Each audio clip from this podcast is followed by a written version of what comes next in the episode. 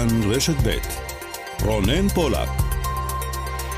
כאן רשת ב'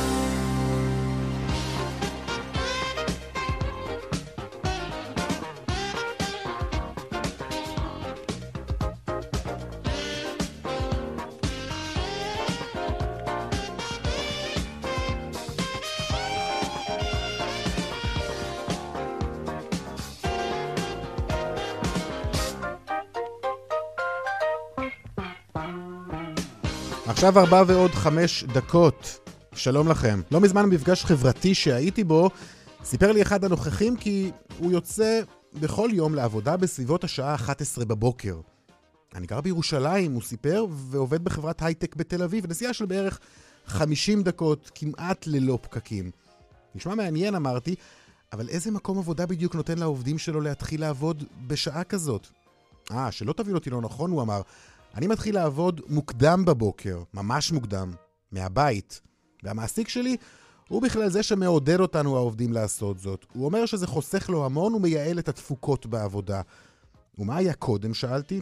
טוב, קודם הוא אמר, הייתי יוצא כמו כולם כמעט בשבע וחצי, שמונה, עומד בערך שעה בפקק האינסופי בכניסה לתל אביב, חסר מעש, לא ממש יעיל, וכאילו לא די בזה, גם די עצבני, לא דרך סימפטית לפתוח את היום. בקיצור, אני מודה התלהבתי וחשבתי מה היה קורה אם עוד אנשים היו נוהגים כך. בכתבה שהתפרסמה השבוע בדה מרקר, העריך מנכ"ל נתיבי איילון כי אם רק חמישה אחוזים מהנהגים בנתיבי איילון יימנעו מנסיעה בשעות העומס, כל שאר הנהגים יחושו הקלה ויגיעו מהר יותר ליעדם. עוד מעט נעסוק בתוכנית הזאת של נתיבי איילון לצמצום מספר המכוניות על הכביש בשעות העומס. נדבר גם על ההיבטים הנוספים של התוכנית הזאת, על שוק התעסוקה והקריירה צבע הכסף מעתה ועד חמש בעריכה ובהפקה אביגל בשור, טכנאי השידור אריאל מור, אני רונן פולק. מיד מתחילים.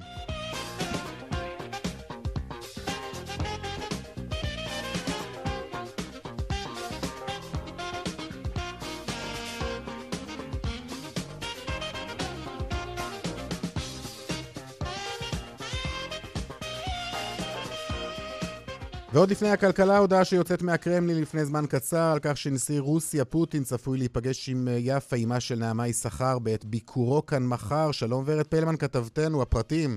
כן, שלום רונן. אז הקרמלין הודיע לפני זמן קצר כי יפה יששכר, אמה של נעמה, תיפגש עם נשיא רוסיה פוטין ועם ראש הממשלה נתניהו בפגישה שבה צפוי להיות גם הפטריארך של ירושלים.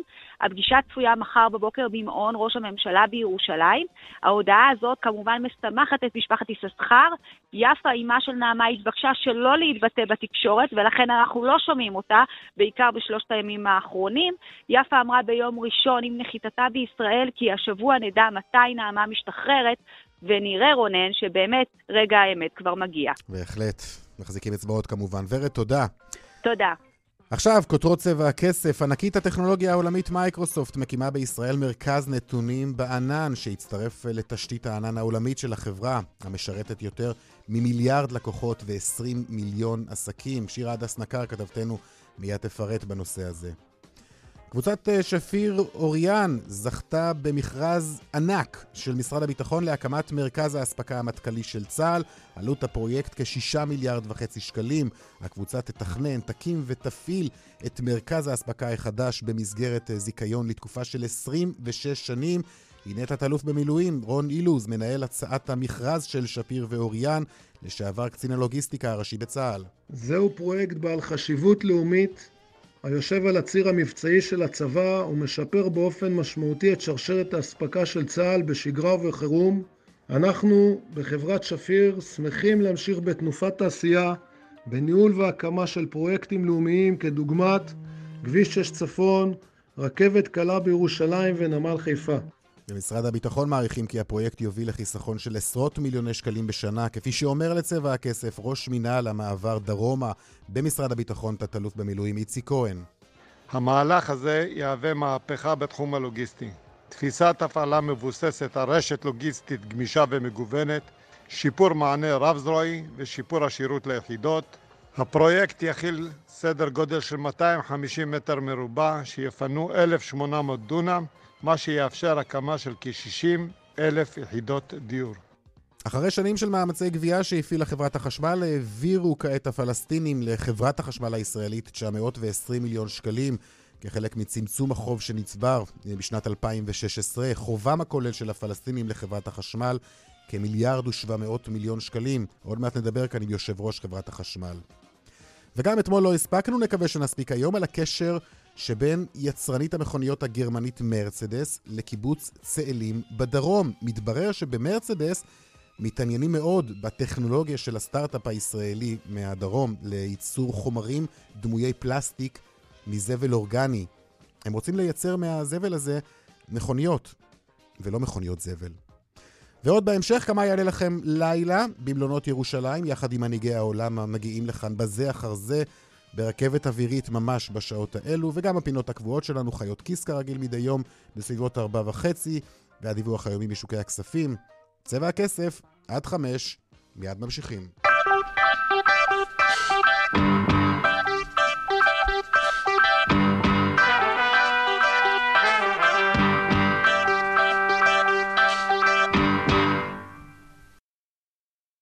פותחים בבשורה שמגיעה מענקית הטכנולוגיה העולמית מייקרוסופט שמודיעה על כוונתה להקים data center בישראל בהשקעה של מאות מיליוני דולרים. שלום לך שירה הדס נקר, כתבתנו לענייני טכנולוגיה. שלום רונן, כן. מדובר בשירותי ענן, נכון? שיסופקו ללקוחות ישראלים. נכון. אה, ישראל היא המדינה ה-21 שמקבלת ככה חוות אה, שרתים כזאת, חוות שירותים מקומית, שבאמת תאפשר למשתמשים ישראלים ולעסקים ישראלים להשתמש באופן נרחב יותר בשירותי הענן של מייקרוסופט. זו גם חוות השרתים היחידה, ככה אם אתה פותח את המפה ומסתכל, זו חוות השרתים היחידה באזור שלנו, באזור המזרח התיכון ממש. כן, ראיתי את הגיף הזה שהם פרסמו. כן, נכון, ראית באירופה, ראית בארצות כן. הברית, קצת בדרום אפריקה, אסיה רחוקה, אבל אצלנו אנחנו נהיה הראשונים ונביא ככה את הבשורה הזאת אה, לאזור. זו גם השקעה ענקית של מייקרוסופט כאן, גם במייקרוסופט ישראל. מאוד מברכים, מאוד שמחים על ההשקעה הזאת שמגיעה לכאן, תביא לכאן גם משרות אה, נוספות. בואו נשמע את אלון חיימוביץ', סמנכ"ל מגזר אה, ציבורי במייקרוסופט ישראל, רגע, שסיפר לנו, על המהלך הזה, וגם... לא, אין לנו את זה כרגע. עוד אין לנו את זה. עוד רגע אוקיי, יהיה לנו. אז... את יכולה להמשיך בינתיים, לנסות להסביר לנו. לספר לך בינתיים מי יהיו המרוויחים העיקריים מהמהלך הזה? כן. כן. אז מדובר בחדשות מאוד טובות למגזר הממשלתי ולמגזר הציבורי. יש באמת אה, כל מיני רגולציה וחקיקה שמונעת מהמגזר הציבורי להוציא כל מיני נתונים לחוות שרתים מחוץ לישראל, והקמת חוות שרתים כזאת יכולה לאפשר אה, לממשלת ישראל לאחסן את הנתונים האלה בתוך מדינת ישראל. זאת אחת הסיבות ככל הנראה, הנראה שמייקרוסופט אה, עושה את המהלך mm-hmm. הזה ונכנסת אה, לכאן. בשנה החולפת שמענו על פרויקט אה, נימבוס להעברת תשתית ה-IT הממשלתית לענן. זה יאפשר באמת קצת את ההסרה של הרגולציה והחסמים האלה, כי הרי מייקרוסופט עומדים בתקנים הרבה יותר, לא יודעת אם הרבה יותר, אבל מחמירים מאוד, גם בארצות הברית, גם באיחוד האירופי, ככה שגם אנחנו נוכל סוף סוף ליהנות משירותים ממשלתיים שיהיו זמינים יותר באמצעות טכנולוגיות ענן, ויוכלו קצת להתקדם לזמננו. אתה יודע, אם לאחרונה mm-hmm. נכנסת לחלק מהשירותים הממשלתיים, לא כולם בהכרח 100% לא, איתנו. לא, לא כולם ב... עומדים כן. בקצב הנדרש. אגב, יש גם לדיווח כזה, יש אה, אה, סוג של אמירה אולי בדיווח כזה של מייקרוסופט, אולי לגבי אה, החשיבות שהחברה רואה בישראל, או האסטרטגיות של השוק הישראלי בעיניה? כן, בהחלט. קודם כל, כמו שציינת, מדובר בהשקעה של מאות מיליוני דולרים בישראל, mm-hmm. אז זה עוד אה, איתות של מייקרוסופט שנמצאת כאן כבר המון שנים על הכוונה שלה להישאר ולהעמיק את האחיזה שלה, גם בשוק הישראלי, אבל בעיקר בעובדים הישראלים. אנחנו מדברים כאן על ככל הנראה עוד עשרות uh, משרות שנפתחות, משרות בתחום הטכנולוגיה ומחשוב הענן, שייפתחו עבור uh, עובדים ישראלים שיוכלו להשתלב uh, בהם ובחוות השרתים הזאת. אוקיי, עכשיו נוכל לשמוע את אלון חיימוביץ', הוא סמנכ"ל מגזר ציבורי, נכון? במייקרוסופט ישראל, ישראל נכון. זאת זכות ששמורה למדינות מעטות בלבד, וישראל הופכת להיות המדינה ה-21 שמקבלת השקעה כזאת מצד מייקרוסופט העולמית. על אף ש-140 מדינות משתמשות בשירותי הענן של החברה. זהו יום מרגש, זהו יום היסטורי. ניסיון העבר הראה שתשתית data center מקומית תומכת ומעודדת פיתוח כלכלי מצד לקוחות ושותפים. היא מאפשרת לחברות, גופי מגזר ציבורי, ענפים מוטי רגולציה להשתמש בענן לקידום חדשנות ופרויקטים חדשים, ובמקביל גם מפתחת את האקוסיסטם הטכנולוגי שתומך בפרויקטים האלו. כן, אז אה, מייקרוסופט היא גם אחת השחקניות הכי משמעותיות, הכי גדולות בעולם בתחום הענן. היא למעשה השנייה בגודלה בעולם mm-hmm. אחרי אמזון בתחום הזה, ויש כבר כמה לקוחות אה, ישראלים אה, גדולים שעושים שימוש במחשוב הענן של מייקרוסופט, כמו צ'ק פוינט ובנק הפועלים ומלאנוקס, עיריית תל אביב, צים, דיסקונט. דואר ישראל גם כן נמצא על הענן, אז אתה יודע, זה באמת יאפשר להרבה יותר חברות להשתמש בשירותים האלה. אחלה בשורה. בהחלט. ביום כזה. נכון. שירה, תודה. תודה רבה. עניין אחר, הרשות הפלסטינית סוגרת חובות מול אה, חברת החשמל הישראלית. מדובר בנושא מהותי, גם מרכזי, שאיתו התמודדה אה, בשנים האחרונות חברת החשמל כאן בישראל, אה, עם ניסיונות חוזרים ונשנים להסדיר את החובות של הפלסטינים, ועכשיו הושגה פריצת הדרך הזאת. 920 מיליון שקלים הועברו לחברת החשמל, מחברת החשמל המזרח ירושלמית. שלום לך, אלוף במילואים יפתח רונטל, יושב ראש דירקטוריון חברת החשמל. שלום ואחר הצהריים טובים. מדובר במחצית החוב, נכון? מדובר ב... כמחצית החוב, כן. איך הוסדר הנושא? תראה, אנחנו אה, נאבקים כבר כמה שנים כנגד התופעה הבלתי נסבלת שבה אה, יש לנו לקוחות, במקרה הזה זה לקוח ענק, שאנחנו מספקים לו חשמל והוא לא משלם, אה, לא משלם לנו כסף. עכשיו, אם זה היה לקוח, אם זה הייתה היית, חס וחלילה, היית מנתק אותי. מנתקים אותך. נכון. אבל אתם ניתקתם כבר, נכון? אבל הפלסטינים, ניתקנו אותם פעם אחת. לפני כארבעה חודשים, כמדומני, נורית יוחנן, שהיא שהתנגדה על זה גם לראשונה. אה, לפני מספר שנים ניתקנו. לפני מספר שנים, אוקיי. הם עתרו, הרשות הפלסטינית והחברה המזרח-ירושלמית עתרו לבג"ץ. בג"ץ אה, למעשה אסר עלינו לנתק, מכל מיני סיבות, לא ניכנס לזה. אנחנו נאבקנו בהחלטת בג"ץ, הגשנו בעצמנו בג"ץ, והגענו להסדר שמקובל על כל הגורמים, על הדרך שבה אנחנו מנתקים מחדש את הלקוחות האלה. הסדר שאמור ל... להביא לכך שזה מאוד אה, מדוד, זה לא מספיק, זה לא חריף מדי. אוקיי, אז בוא תסביר. להתארגן ועוד ועוד כאלה וכאלה נושאים. ומאז, במשך כשלושה חודשים, עוד שנייה אחת. איך זה הושג ההסדר הזה? במשך כשלושה חודשים אנחנו מנתקים mm-hmm. אותם, ולמעשה במקביל מנהלים איתם משא ומתן, ולשמחתי הגענו להסדר. יש שני חובות. חוב אחד הוא חוב העבר, קרי החוב שנצבר עד 2016, סדר גודל של מיליארד שקלים. ב-2016 הגענו לאיזשהו אה, הסדר עם הפלסטינים, שלמעשה אה, הם אה, הביאו לאפס את החוב השוטף ונשאר רק חוב העבר. אבל הם לא עבדו בהסכם הזה, ובארבע שנים האחרונות, או כמעט ארבע שנים האחרונות, הם צברו עוד מיליארד שקל, בנוסף למיליארד mm-hmm. מהעבר, סך הכל כמעט שני מיליארד שקלים. אנחנו לא יכולנו, ולמעשה ההסדר הנוכחי מאפס את חוב הביניים. זה מאפשר לנו לא לנתק אותם, שאני חושב שזה דבר מאוד מאוד חשוב, בטח במזג האוויר הזה, ומגיע להם, כמו כל uh, מי שמקבל, צרכן שלנו, לקבל חשמל באיכות טובה. זה דבר אחד. דבר שני, זה מאפשר לנו גם לקדם חיבור של שלוש תחנות משנה גדולות, תחנות טרנספורמציה שאמורות לאפשר להם חשמל בהיקפים יותר גדולים ובאיכות יותר טובה. ואנחנו עכשיו ממש, מהיום, מתחילים בתהליך של חיבור התחנות המשנה האלה. אה, כדי לעמוד בחלק שלנו ב, אה, ב, בהסכם הזה, ואני מאוד מקווה, ו, וימים יגידו, כן. התקופה הקרובה תגיד שבאמת הם יעמדו בהסדר התשלומים שסוכם. ומה תעשו כדי להמשיך? כי אם לא, לא תהיה לנו ברירה ואנחנו ננתק שוב. אה, תנתקו שוב, אתה אומר, וזה הדרך שלכם לנסות אה, לגבות את יתרת החוב? אנחנו סיכמנו איתם שבשלושת החודשים הקרובים לא ננתק, ונקדם הסכם גדול שמסדיר בעיקר את חובות העבר.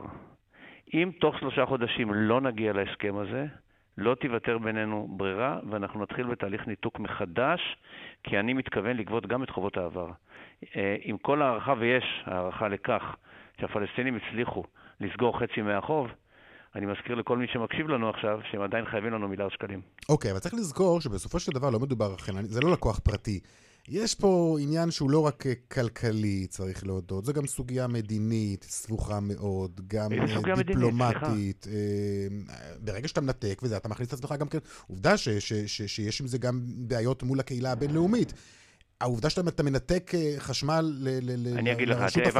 תראה, אני... אז כן, זה מייצר אי נעימות, ועובדה שגם היו מעורבים בנושא הזה גורמי ממשל בישראל. השר כחלון למשל, שניסה כבר כמה פעמים בעבר לסדר איזה שהם הסדרי חוב כאלו ואחרים לרשות. היו דברים כאלה, זאת אומרת, אתה לא יכול להגיד שזה נשאר אך ורק בינך לבינם.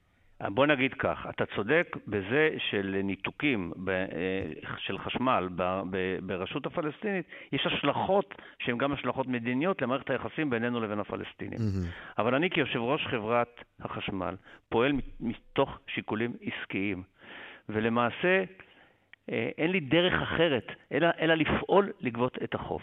אם ממשלת ישראל, בדרך כזאת או אחרת, אה, חשבה או תחשוב בעתיד שאני לא יכול לנתק, אין שום בעיה שתיקח את החוב על עצמה. אבל אין שום סיבה שאזרחי ישראל ייקחו את החוב הזה על הגב שלהם. הם לוקחים את החוב הזה על הגב שלהם? כי אם, כי אם כן, עכשיו אני טועה, אם זה יוכל להשפיע גם על התעריף שאנחנו נשלם, כי לכאורה יש עכשיו עוד כסף שמקבלת חברת החשמל, זה, זה, זה יכול לבוא לטובתנו. אה, אה, זה לא חלק מהתעריף.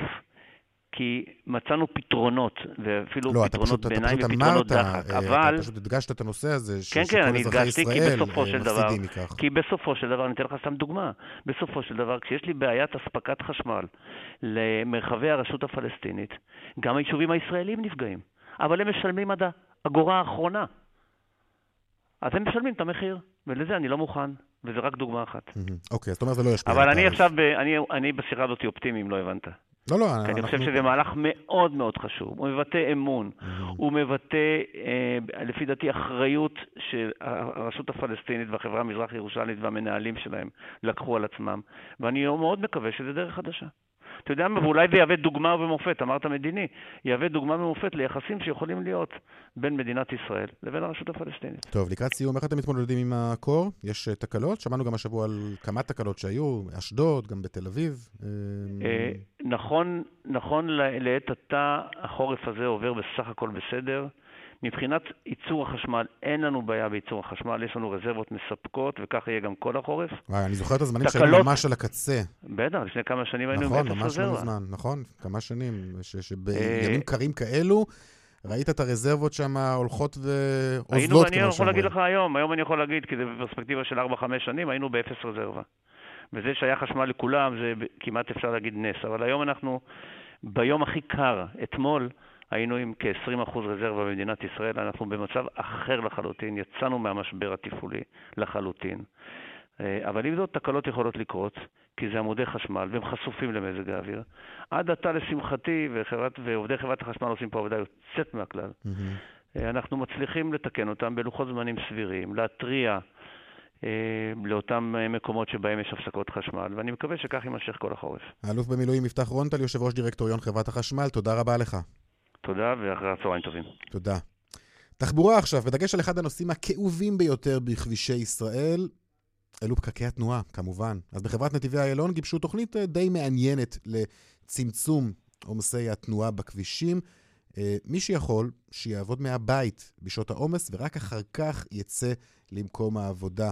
שלום יעל פטקין, מנהלת אה, תחום יזמות בנתיבי איילון. היי רונן. אה, אז נכון, זה, אנחנו... אתה תרצי להגיד שזה חלק בטח מהתוכנית. בוודאי, זה חלק, כן. זה גם uh, אחד מתוך אוקיי, 60 זה... פתרונות. אוקיי, אבל זה מה שהדליק אבל... אצלנו גם כן, אני חייב להודות את כל ה... כי זה הדבר הכי סקסי. זה, לא, ו- ו- ויש בזה גם הרבה היגיון, כי באמת, הרעיון הוא לא רע בכלל. אני מכיר אישית, הזכרתי את זה בתחילת התוכנית, אנשים שאשכרה עובדים בשיטה הזאת, וזה פשוט נהדר, הן עבורם, הן עבור המעסיקים שלהם.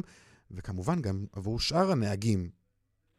אז אה, זה באמת פתרון, וזה באמת פתרון לא רע בכלל. רק מה, הוא לא מתאים באמת לכל מעסיק באשר הוא. אנחנו, אה, נתיבי אלון, כזרוע של משרד התחבורה, באמת מחפשים ויוצרים אלטרנטיבות לרכב הפרטי.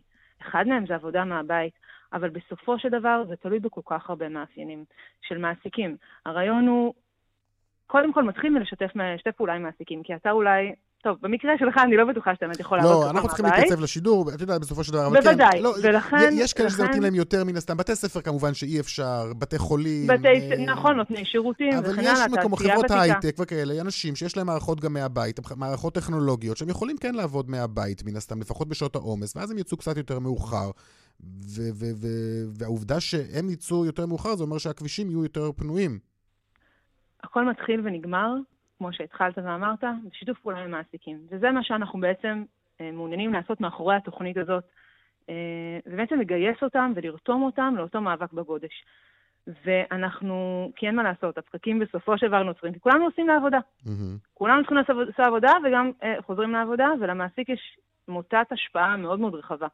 לא כולם יכולים לעבוד מהבית, ואנחנו גם, לא בהכרח זה נכון, אנחנו לא רוצים כמדינה אולי שכולם יישארו בבית כל היום, אבל באמת הצלחנו אה, לאתר בעבודה אה, מאוד מאוד אה, מקיפה סל של בערך 60 פתרונות ותתי פתרונות שיכולים להתאים גם למעסיקים השונים, שלכל אחד יש מאפיין אחר. מהמם. לא כל אחד בקיצור, אתם רוצים לווסת. את התנועה, לייצר, לנסות לה- להפחית את העומס בפיקים. ו...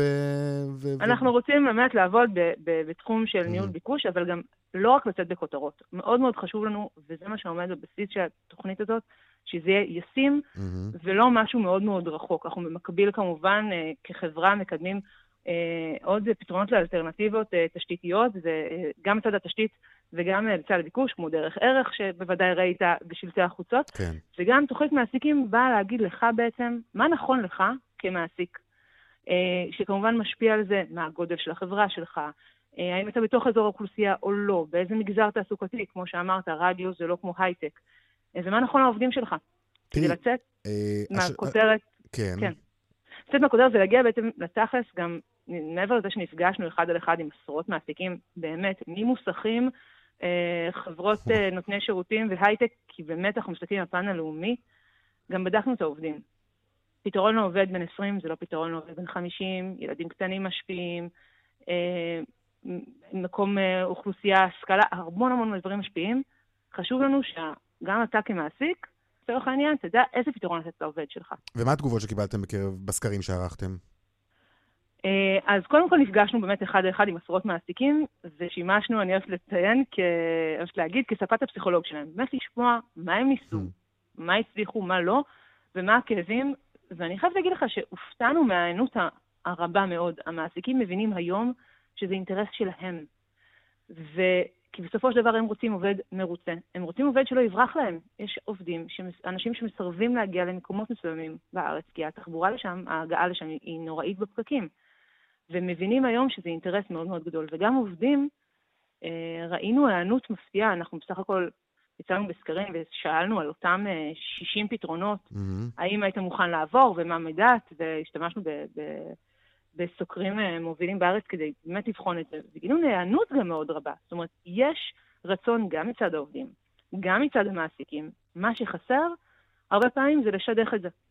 זה כן. אתם אגב ניסים, באמת- אתם מנסים לשדך את זה דרך משרד התחבורה גם, נכון? קודם כל, אנחנו זרוע של משרד התחבורה. לא, אבל הייתה אה, לכם אז- ישיבה מסודרת גם עם קרן טרנר, המנכ"לית היה שם. לנו אני- ישיבה עם קרן טרנר, שבה הצגנו לה את התוכנית, ובעצם הצגנו את אותו מנגנון אה, שישדך לכל מעסיק, אה, לפי המאפיינים שלו ולפי המאפיינים של העובדים שלו, איזה פתרונות יתאימו. מהמם. אנחנו במקביל, אה, אה, אה, מעבר לזה שניידע מה קיים, נבנה את המנגנון הזה שיגיד מה קיים ואיך המעסיק יכול לממש אותו. אה, מתכננים לתת אה, מעטפת לוגיסטית אה, ורגולטורית, ואיזה תיקונים, איזה חסמים רגולטוריים צריך לתקן. והלוגיסטיקה היא מאוד מאוד חשובה, כי שוב, אנחנו כל הזמן מדברים על, לרוב שמדברים, מדברים על חברות ענק, נכון? אינטל, אלביט, אלפי עובדים. אבל אנחנו באמת יצאנו לתהליך הזה מאוד מאוד צנועים. זאת אומרת, באנו, אמרנו, צריך לשלוף אותם בפינצטה בסופו של דבר. לא, אה, אז מה שאמרנו גם. משהו אחר, אמרנו, גם אם אתה, יש לך עסק של 40 עובדים, כן. אבל לידך אולי יש עוד עשרה עסקים כאלה, ביחד אתם כבר מסה. למסה כזאת אפשר לתת הרבה מאוד פתרונות, שרק לעסק אחד אי אפשר. תראי, טען אצלנו השבוע בשידור פרופסור אראל אבינרי, אה, ראש המסלול להנדסה וניהול מערכות אה, תשתית במכללת אפקה, הוא אמר שרעיונות כאלה שבאים לשנות את שוק העבודה במקום לטפל בתחבורה, לא באמת יצליחו לשנות אה, משהו במציאות. הוא אמר שצריך להתאים את הרגלי הנסיעה לצורכי שוק העבודה ולא להפך. יש בזה משהו בסופו של דבר. מה אנחנו עושים? אנחנו באים ואנחנו זורקים הכל על המעסיקים ועל שוק העבודה, במקום לטפל בתשתיות. אז קודם כל אנחנו לא זורקים שום דבר על, אה, על המעסיקים, כי אנחנו לא מחייבים אותם לעשות דבר. אנחנו מציעים להם עוד פתרונות, עוד כלים, וזו תוכנית וולונטרית.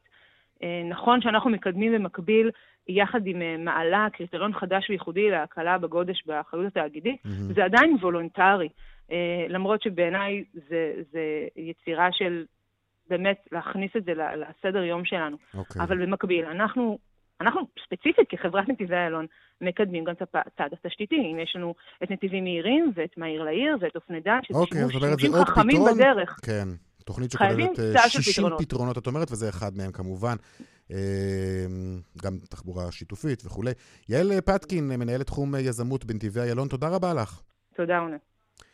ושלום, אה, אנחנו עדיין בנושא הזה, שלום לליאת בן תורה שושן, מנהלת מחלקת ניהול קריירה ב-all jobs. היי. זה יכול לעבוד היי, לדעתך? אה, אחד, זה יכול לעבוד. אנחנו רואים שזה עובד יותר ויותר. אנחנו באולג'ובס מגלים עוד ועוד תחומים שבעצם אה, מעסיקים מציע- מציעים בהם משרות שהן לא צפויות מהבית. אה, מעסיקים לאט לאט מבינים שהאפשרות לעבוד מהבית יכולה להיות תנאי מאוד אטרקטיבי עבור מחפשי העבודה. אה, מצד אחד כאלה שבאמת מתקשים להגיע בנסיעות, אה, כאלה שגרים ביישובים מרוחקים, בדיוק כמו שיעל אמרה, ומהצד השני הם מבינים שיש ערך יוצא דופן בזה שגם הם יכולים להגיע לאוכלוסיות שקשה להם לגייס. הם מבינים שהיום יש מערכות טכנולוגיות שאפשר לנטר בהן, אה, או דרכם אפשר לנטר בעצם את הפעילות, אה, ובעצם אה, גם להקל על הסביבה, על איכות הסביבה, וגם בסופו של דבר לחסוך, לחסוך בחללי עבודה. אה, ולאפשר את הגמישות שהופכת את התפקיד הזה לאטרקטיבי. זאת אומרת, זה משהו שיכול להתאים לחלק כן, לחלק לא, אבל בסוף בסוף זה תלוי במעסיקים, נכון? שהם בדרך כלל מעדיפים לראות את העובדים שלהם בעבודה ולא בבית עם פיג'מה עובדים כאילו על הדרך, נכון? נכון, אני חושבת שזה מאוד תלוי בארגון. אה, לנו יש מחלקה ב-all jobs שהיא מחלקה שעובדת מהבית ואנחנו גם מאפשרים לעובדים להגיע. אני חושבת שבסופו של דבר זה מאוד תלוי בארגון ובצרכים שלו. היום יותר ויותר ארגונים אנחנו רואים שמציעים משרות גם בתחומים מסורתיים יותר, כמו אדמיניסטרציה, שעדיין אה, מציעים אפשרויות לעבוד מהבית. ככל שיותר קשה לגייס מועמדים, ככל שבעצם יש יותר, אה, אה, מה שנקרא, משרות מועמדים, אנחנו רואים אה, את, המגי... את המעסיקים הופכים להיות יצירתיים ומעבירים אה, לא מעט אה, משרות לעבודה מהבית. אבל מה, שוק... וזה פתרון נהדר כי זה עובד. אני גם חושב שזה פתרון נהדר, אבל בסופו של דבר, התחושה היא לפחות ששוק העבודה הולך ונעשה הרבה יותר קשוח. גם מחקרים מראים שוב ושוב שהעובדים היום הם נכון. הרבה יותר לחוצים, העומס עליהם אה, הוא הרבה יותר גדול, הדרישות, גם התחרות אגב על כל נכון. משרה הופכת לקשה הרבה יותר. נדמה אפילו שבתחרות הזאת, על כל מקום עבודה, העובדים הם שפוגעים בעצמם בגלל הפשרות שהם עושים, ועל הדרך כמובן פוגעים גם בעמיתים שלהם. אז נכון. איך אפשר באמת להתגבר גם על זה? אז אני חושבת שהטכנולוגיה לאט לאט אה, עם העומס והקושי מאפשרת למעסיקים אה, אה, מה שנקרא לתת אפשרות לעבודה מהבית. הרבה פעמים זאת לא רק עבודה מהבית. מספיק שאתה נותן יום-יומיים לעבודה מהבית או שעות גמישות, אז הרבה פעמים זה באמת מאפשר לעובדים, גם אתה מרחיב את המנעד של העובדים. כן. עכשיו עוד פעם, אנחנו רואים את זה אחד בחברות טכנולוגיות, יש היום חברות מוצלחות שאין להן אה, מה שנקרא משרד פיזי והן עובדות מצוין ויש המון חיסכון, אתה יודע, בעלויות ובחלל נכון, וגם, וכולי. גם, וגם מחקרים טוענים שהתפוקות טובות יותר מעבודה מהבית. לגמרי, אומרת, נדרשת, לגמרי. נד- נדרשת כאן גם מערכת אמון מאוד גדולה בין המעסיק לבין העובד. נכון.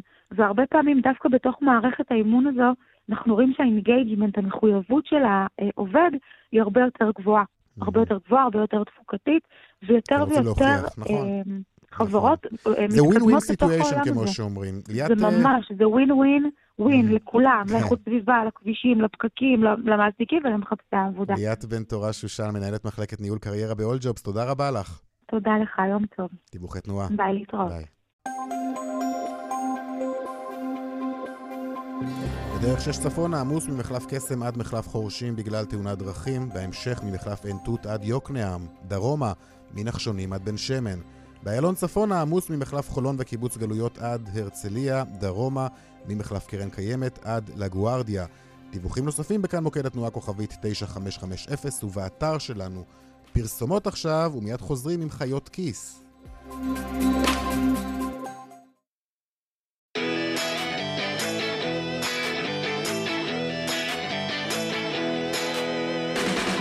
ארבעה ועוד 36 דקות, חיות כיס עכשיו, וכמו בכל יום רביעי, פרק חדש וטרי לפודקאסט הכלכלי של כאן. שלום לך, שאול אמסטרדמסקי, הפרשן הכלכלי שלנו. שלום לך, רונן פולק, מה שלומך? הכל טוב, תודה. אה, בפרק של השבוע, שאול, אתם נכנסתם לאן שאף אחד לא ממש רוצה להיכנס, לבתי הכלא בישראל. Mm, בדקתם למה הם כל כך צפופים, והתשובה, מסתבר, כלכלית לחלוטין. כן, התשובה היא כלכלית לחלוטין, אה, היא מורכבת, אבל בגדול, כלכלת הכליאה עובדת בצורה קצת משונה. והיא עובדת בצורה משונה משום שהצד של ההיצע בעצם מנותק לחלוטין מהצד של הביקוש, ואני אסביר. אה, מי שקובע בעצם את היצע מקומות הכליאה, כמה מיטות אה, ותאי אסירים יש בבתי הכלא וכמה בתי כלא, היא בעצם המדינה, זאת אומרת, המשרד לביטחון הפנים, שירות בתי הסוהר ובעיקר משרד האוצר שהוא זה שמקצה את התקציב אה, לעניין הזה. אבל מצד שני, מי שמחליט כמה אנשים לשלוח לבתי הכלא זו מערכת השפיטה. ומערכת השפיטה עובדת באופן מאוד מאוד מבוזר, נכון? יושב כל שופט עם התיקים שלו, אין לו שמץ של מושג האם יש מקום, אין מקום, מה תנאי הכלייה, והוא מחליט את מי הוא שולח אה, אה, לבתי הכלא. וכך הגענו למצב שבמדינת ישראל הצפיפות בבתי הכלא היא מהגבוהות בעולם המערבי, ולמעשה אה, אה, בעתירה שהוגשה אה, לבג"ץ לפני כמה שנים על ידי האגודה לזכויות האזרח, היה ניכר שהמצב גם הרבה יותר גרוע מכמה מדינות בעולם השלישי. ובעצם הפרק של השבוע הזה מנסה לנתח לעומק בעצם איך הגענו למצב הזה ואיך המדינה מנסה להתמודד עם הסוגיה הזו של הצפיפות אה, בימים אלה. בואו נשמע קטע קצר אה, שמספר לנו גבי דרעי, גבי דרעי הוא אה, אסיר לשעבר, הוא ריצה את עונשו, הוא עובד היום ברשות לשיקום האסיר ומדריך אסירים משוחררים איך להשתקם כלכלית. בואו נשמע ממנו את איך שהוא מספר לנו מעט על הצפיפות בבתי הכלא כפי שהוא חווה אותה. בואו תחשבו לעצמכם רגע, 22 בן אדם בחדר, איך מסתדרים עם המקלחות, איך מסתדרים עם השירותים, שיש שני שירותים ושתי מקלחות. אה, זה, יכול, זה מתחיל מהבוקר, כשקמים אסירים ורוצים להיכנס לשירותים או להתקלח. אז זה מתחיל, הוויכוחים, מי אני, אני ראשון, אני הייתי קודם, אני הכנתי מגבת, אני, כל מיני דברים קטנים, וזה מייצר אה, מייצר אה, ויכוחים אה, מיותרים לדעתי. Mm. אתה יכול לדמיין את עצמך חי שעה-שעה, יום-יום, שנה אחר שנה, עם 22 אנשים בחדר, כשאתם מבלים את רוב שעות היממה בתוך החדר הזה, כשלכל אחד מכם, מכם יש לכל היותר איזה מטר שניים לנוע. טוב, אין ספק. זה מצב קשה ואין ספק שדורשים פה המון כללים, בסופו של דבר אתה יודע, מדובר בבית כלא ולא בבית מלון, ולכן אתה שואל את עצמך תמיד, אמ, איך, איך באמת צריך להיראות בית כלא, מה התנאים שצריכים להיות שם, אף אחד לא נשלח לבית הכלא כ... תענוג, וכן, זה מעורר כל כך הרבה שאלות. חד משמעית. אתה לגמרי צודק, אבל בית המשפט רק נגיד שקבע בפסיקתו השופט אה, רובינשטיין, אה, שזה שאנחנו שולחים אה, אנשים לכלא לא אומר שאנחנו צריכים לשלוח אותם לתנאים שבהם הם מעבים לא, צלם אנוש, נכון. ויש לזה גם השלכות אחרות על בריאות נפשית ומחלות ואפשרויות השיקום של האסירים. לא צריך להיות בית מלון, ללא ספק, אבל גם לא במצב שזה נמצא היום. שאול אמסטרדמסקי, תודה רבה לך. כאמור, הפרק uh, כבר uh, באוויר. Uh, הפרק כן. החדש כן. של חיות כיס. תודה. שאול, אתם מוזמנים כמובן רוני. לשלוח לנו גם שאלות uh, בכל נושא שתרצו, ואנחנו נשתדל לענות. כסף, כרוכית כאן.org.il, זה המייל שלנו. Uh, כאן בצבע הכסף.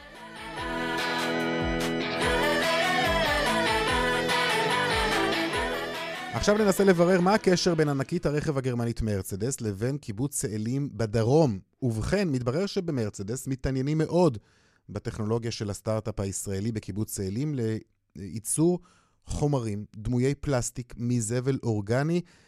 הם ממש רוצים להשתמש בחומר הגלם הזה אה, כדי לייצר כלי רכב חדשים. שלום לטאטו ויז'ו, מנכ"ל ומייסד שותף של UBQ, שלום לך. שלום, שלום. בוא תספר לנו על מה מדובר. UBQ, אה, החברה שלנו, אה, פיתחה אה, טכנולוגיה חדשנית שמאפשרת לנו להפוך אשפה ביתית, שבדרך כלל הולכת למטמנות, מזהמים את האוויר שלנו, לחומר חדש שהוא תרמופלסטי. במילים אחרות, הוא חומר שמתנהג כמו פלסטיק, אבל הוא לא פלסטיק. אז בעצם הולדנו חומר חדש לאנושות שהוא עם פטנטים, שמאפשר לנו להחליף את הפלסטיקים הקיימים מהמם. שעשויים מנפט, כמו פוליפרופילן, פוליאטילין, כל הפלסטיקים שכולנו שומעים כל יום, אה, באמצעות חומר חדש שכולו עזוי מזבל. אה, אני קראתי גם שאתם ממחזרים שאריות מזון, ניחא, אבל אפילו חיתולים מלוכלכים, כלומר, מכל זה אתם יכולים אה, ל- ל- ל- להשיג חומרי גלם כל כך נקיים? נכון.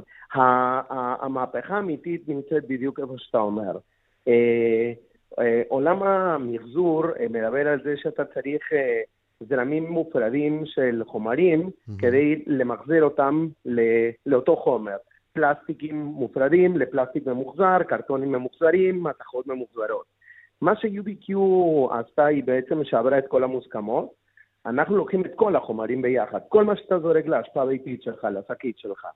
השאריות של האוכל, שאריות הבננה, ההמבורגר שלא אכלת, אה, הקופסה של הפיצה עם הפיצה, החיתול של התינוק, כל הפלסטיקים של היוגורט ושל השקיות, הקרטונים והעיתונים, כל המכלול הזה אה, הופך ביחד, כולו, בלי להפריד אותו, לאותו חומר תרמופלסטי שהוא הומוגני והוא קונסיסטנטי והוא מתנהג בצורה תרמופלסטית והמהפכה היא בדיוק איפה שאמרת, אנחנו משתמשים בחומרים האורגניים שאף אחד בעולם בעצם לא יודע איך לחבר אותם ביחד אוקיי, ועכשיו בצורה שאנחנו עושים. בוא תספר לנו איך נולד שיתוף הפעולה הזה עם מרצדס, על איזה פיילוט אנחנו אוקיי. מדברים. מצוין. אז ברגע שסיימנו את שלב הפיתוח של החומר, אה, UBQ יצא לעולם אה, והכריזה למעשה שהחומר הזה הוא נמצא והוא קיים, והוא חומר אה, בר קיימא, סוסטיינבילי, אה, עם, אה, עם אימפקט סביבתי עצום, כי אנחנו מונים את כל הפליטות החמורות שקורות במדמנות, בעצם אנחנו עוזרים לסביבה שלנו, אנחנו מונים פליטות של מתאן ושל קרבונים, אה, וחברות ענק התחילו להתעניין אה, בחומר הזה שלנו, כי היום כולם מחפשים את האלטרנטיבות אה, ל- לחומרים אז גם. מרצדס הגדולה רוצה, מה, שהמכונית שלה תהיה עשויה מהחומרים האלו? כן, אז, אה, אז מרצדס היא, היא, כמה שאנחנו חושבים, אה, אתה יודע, היא חברה ענקית, והיא חברה נכון. אה, אה, מובילה, והיא לוקסורי, נכון, היא, כאילו, היא בטופ of the, of the world מבחינת מחיר, אבל אתה, קשה להאמין את כמות המקורות שהחברה הזאת, וחברות כאלה, שהופכים למחקר ופיתוח, וברגע שמצאו את החומר שלנו, הם אמרו זה חייב להיות אצלנו. מתוך חשיבה ירוקה, באמת? מתוך מודעות אה, מתוך סביבתית? חשיבה ירוקה.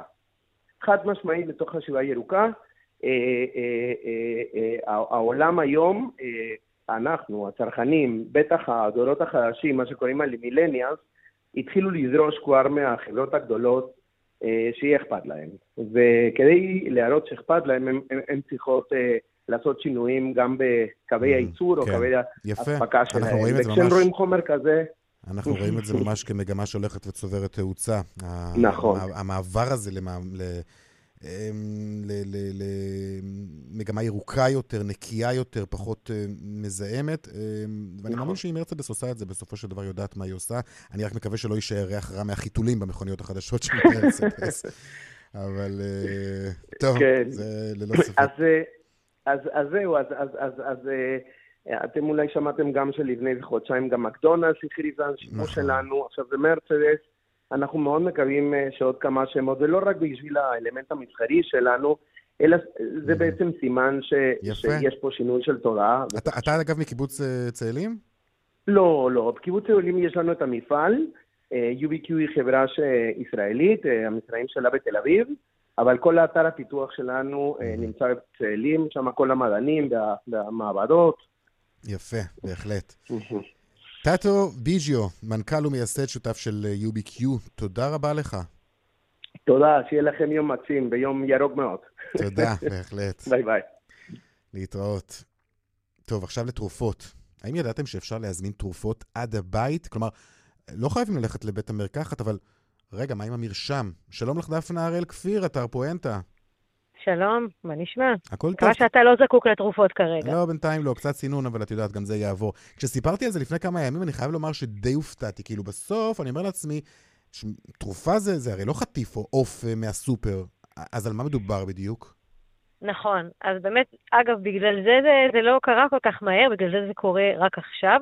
Uh, בעצם מה שאנחנו שומעים ממש בימים האחרונים, uh, שאפשר בעצם להזמין תרופות, בין אם אנחנו מבוטחי מכבי, הכללית, מאוחדת, אפשר להזמין אותן uh, ברשת סופרפארם, אה, ומי שמבוטח היום בלאומית יכול בחלק מהסניפים אה, להזמין אה, ברשת B. רשת B היא רשת הפארם של שופרסל, mm. ומדובר בתהליך שבעצם התחיל כבר לפני שנה או יותר, כאשר הכנסת אפשרה ובעצם אפילו חייבה את האפשרות לתת מרשם דיגיטלי.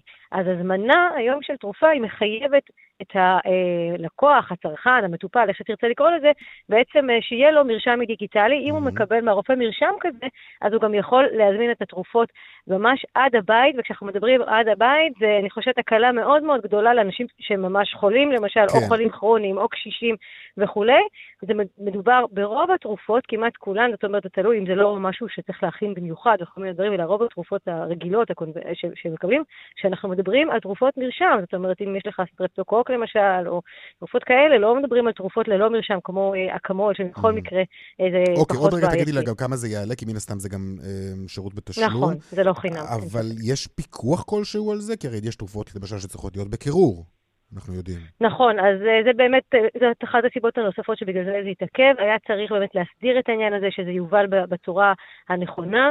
אה, קיימות שתי אפשרויות, אחת למשלוח עד הבית והשנייה היא איסוף מהסניף. בשתי האפשרויות האלה באמת התרופות נשמרות בצורה שהן צריכות להישמר. זאת באמת אחת, הייתה אחת הדרישות, וגם הקופות וגם סופר פארם וגם רשת בי היו צריכות לעמוד בדרישה הזאת שהתרופות יגיעו מאוחסנות כמו שצריך. צריך, כדי שלא, אתה יודע, לא ייפגעו. בכל זאת, תרופה זה לא משהו ש... שאפשר לזלזל בו, זה, זה לא סמארטפון נכון. שאתה יכול לעשות עליו משלוח ושהוא יטלטל לו אי שם בכל מיני ארגזים. אז זה נכון, השאלה היא טובה. ודבר אחר הוא שבאמת אתה לא יכול להתחיל להזמין לכל אחד וכולי, אתה צריך באמת להזמין עבור עצמך, המרשם הוא מרשם מזוהה. אה, אין ספק בכלל שצריך להיות פה פיקוח הדוק. אה, אני מאמינה אבל שבאמת הדבר הזה יתבצע וקיבל את האישורים רק אחרי שכל הדברים האלה יוסדרו, כי אחרת באמת תהיה פה תוהו ובוהו מבחינת תרופות, וזה לא משהו שאפשר לעשות. לא, זה לא משהו שאנחנו רוצים שיהיה פרוץ, כן. זה לא שוק שאנחנו רוצים שיהיה פרוץ. כמה זה יעלה? אז תראה, איסוף מהסניף הוא חינם וזה אפשר לעשות תוך שלוש שעות, ומשלוח הביתה הוא עולה כ-30 שקל. כמובן שאנחנו מדברים פה על רשת מסחרית, ולכן היא גם עושה כבר אה, ככה כמה אה, דברים שעושות חברות, ומציעה לך את המשלוח חינם אם תקנה מעל סכום מסוים ממוצרי אה. הרשת שאינם התרופות, זה משהו כמו 250 שקל, אבל אם אתה קונה בפחות מ-250 שקל, או לא קונה שום דבר חוץ מהתרופה עצמה, אז העלות היא 30 שקל בסופר פארם, בבי זה קצת יותר זול, אבל אמרנו, זה עדיין לא בכל הארץ, זה עולה 9 שקלים, וזה גם תוך 48 שעות, ולא כל כך מיידי. אני מאמינה שגם שם זה כבר, אה, אתה יודע, הסטנדרט יהפוך להיות כזה שזה באותו יום וכולי. באופן כללי, בעיניי, כמי שעוקבת אחרי גם תחום הצרכנות וגם תחום הבריאות הרבה שנים, לפי דעתי זאת אחת המהפכות, אולי לא מהפכת ענק, אבל בהחלט מהפכה מבחינת נוחות השירות שלנו בתחום הבריאות. יפה. דפנה הראל כפיר, אתר פואנטה, רק בריאות כמו שאומרים. נכון. תודה. גם לך. ביי, להתראות. להתראות.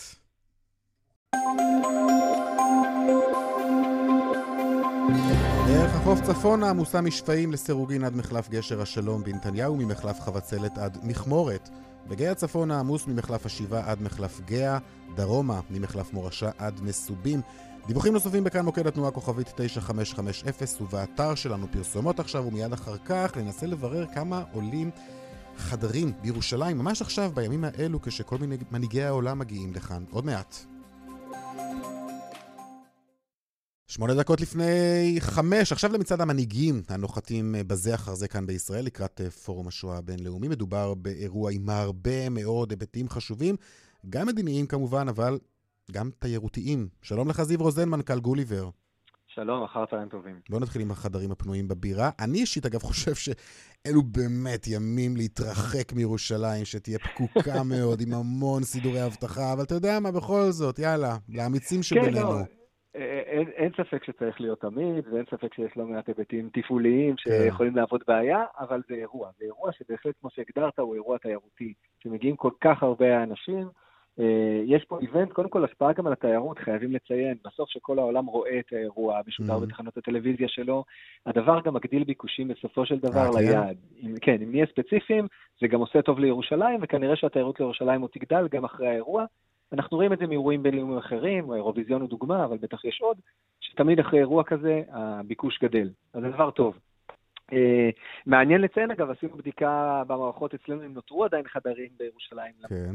למרות כל האירוע, אז תצטרך לשמוע שעוד נותרו, אה, לא כמות גדולה, אבל יש חדרים בודדים, וממש במלונות שבהם מתארחים אה, ראשי המדינות, דוכת mm-hmm. לקסמבורג ואלבניה, ואפילו אה, סגן נשיא ארצות הברית. אוקיי, okay, כמה יעלה חדר ש... ליד הדוכס? אתה יודע, אתה מגיע לצ'ק-אין, ואז אומרים לך שם, אתה בחדר ההוא ליד הדוכס, ובין כן. החדר של המלך לדוכס והנשיא, כמה זה יעלה לנו?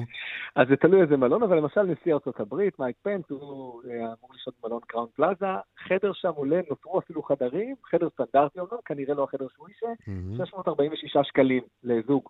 כלומר, אפילו זה מחיר שאתה אומר... לא, מחיר אטרקטיבי, נשמע. כן, די אטרקטיבי, סביר להניח שזה לא יהיה החדר הצמוד לו. אבל זה נכון. אם נלך על המלונות היותר מפוארים, אז מלון המלך דוד, ששם באמת היורש העצר אה, גם מבריטניה, נורבגיה, ספרד, הולנד, נשיא צרפת שוהים שם, נשיא גרמניה, שם חדר עולה כ-3,000 שקל. אני מדבר ספציפית על היום שהם מתארחים. אה, ואפילו יודע לספר שנותרו שם מקומות. אז אה, גם מלון אוריינט הוא מלון שמתארחים בו, אה, נשיא סלובניה ואוקראינה, שם חדר עולה 1,800 שקלים. אז זה אומר שהחל מכמה מאות שקלים, כמו נשיא ארצות הברית, ועד ל-2,000 ו-3,000 שקל במלון המפואר ביותר, המלך דוד. יפה. ש... טוב, עולה, כן. תשמע, עוד משהו שאני רוצה ככה לנסות להספיק איתך בחצי דקה, בחצי דקה שנותרה לנו, כמה יעדים שהם הפכו להיות קצת בעייתיים בתקופה האחרונה. רוסיה למשל, כל סיפור נעמה יששכר. אה, גם סין, המועצה לצרכנות למשל דיווחה שהתקבלו פניות אצלה של נוסעים שרוצים לבטל נסיעות מתוכננות לשם בעקבות אותו נגיף מסתורי. מה, כן. מה עם מדיניות הביטולים באמת? אז תראה, קודם כל הנושא הזה באמת, אה, עולם התיירות מאוד רגיש לכל מיני אירועים, כמו שאנחנו אומרים. אה, אני חייב להגיד שלגבי סין אנחנו לא רואים ביטולים גדולים, אנחנו בהחלט רואים פניות, אני יכול להסביר מגמה. התעניינות, מה שנקרא. כן. לא, וגם פה אפילו ספציפית חיסונים. פתאום אנשים הרבה יותר מתעניינים באיך mm. אפשר להתחסן ומה צריך לעשות, ואין לי ספק שזה מגדיל את הביקוש לחיסונים, וזה נראה לי גם דבר נבון.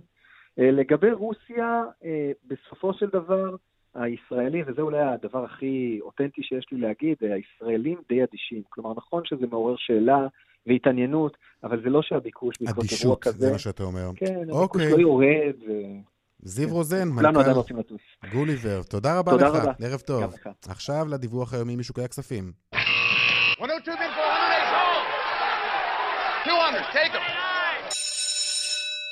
שלום, שי, צ'ס, שי צסלר, אנליסט שווקים גלובליים, בנק הפועלים. אחרי צהריים טובים. עדכון שלך. אה, נכון לשעה זו מתאפיין יום המסחר בבורסה בתל אביב במגמה חיובית. אה, מדד תל אביב 35 רושם עלייה של כ-7 עשיריות האחוז, והוא נסחר כעת ברמות שיא, ועוד מדד תל אביב 90 עולה בכאחוז נקודה 3. כ-45 דקות לפני תום המסחר, מחזורי המסחר ממוצעים ועומדים על כ-1.1 מיליארד שקלים. בין המניות הבולטות במסחר אה, במדד תל אביב 35, שפיר הנדסה שעולה בכ-12 אחוזים, ומנגד מניית דלק קידוחים ודלק קבוצה שיורדות בכ-2 אחוזים. בבורסת אירופה מתאפיין המסחר בירידות שערים של עד כשלוש עשיריות האחוז. עם פתיחת המסחר בוול סטריט נרשם מגמה מעורבת, כאשר מדד אה, ה-S&P 500 והנסדק עולות בכארבע עשיריות האחוז בהובלת מניות הטכנולוגיה, ונסיים בשוק המט"ח. הדולר נחלש בכעשירית האחוז מול השקל, ושערו היציג נקבע על שלושה שקלים, 45 אגורות ושתי עשיריות האגורה. היורו נחלש בכשלוש עשיריות האחוז מול השקל, ושערו היציג נקבע על שלושה שקלים, 82 אגורות וחמש עשיריות האגורה. עד כאן מהבורסה. תודה, שי. עד כאן, צבע הכסף, מהדורת יום רביעי בעריכה ובהפקה, אביגל בשור, טכנאי השידור אריאל מור, אהוד כהן במוקד התנועה. אני רונן פולק, מיד אחרינו כאן הערב עם רן בנימיני ויגאל גואטה. תודה לכם על ההאזנה, ערב טוב שיהיה לכם, סעו בזהירות. להתראות. you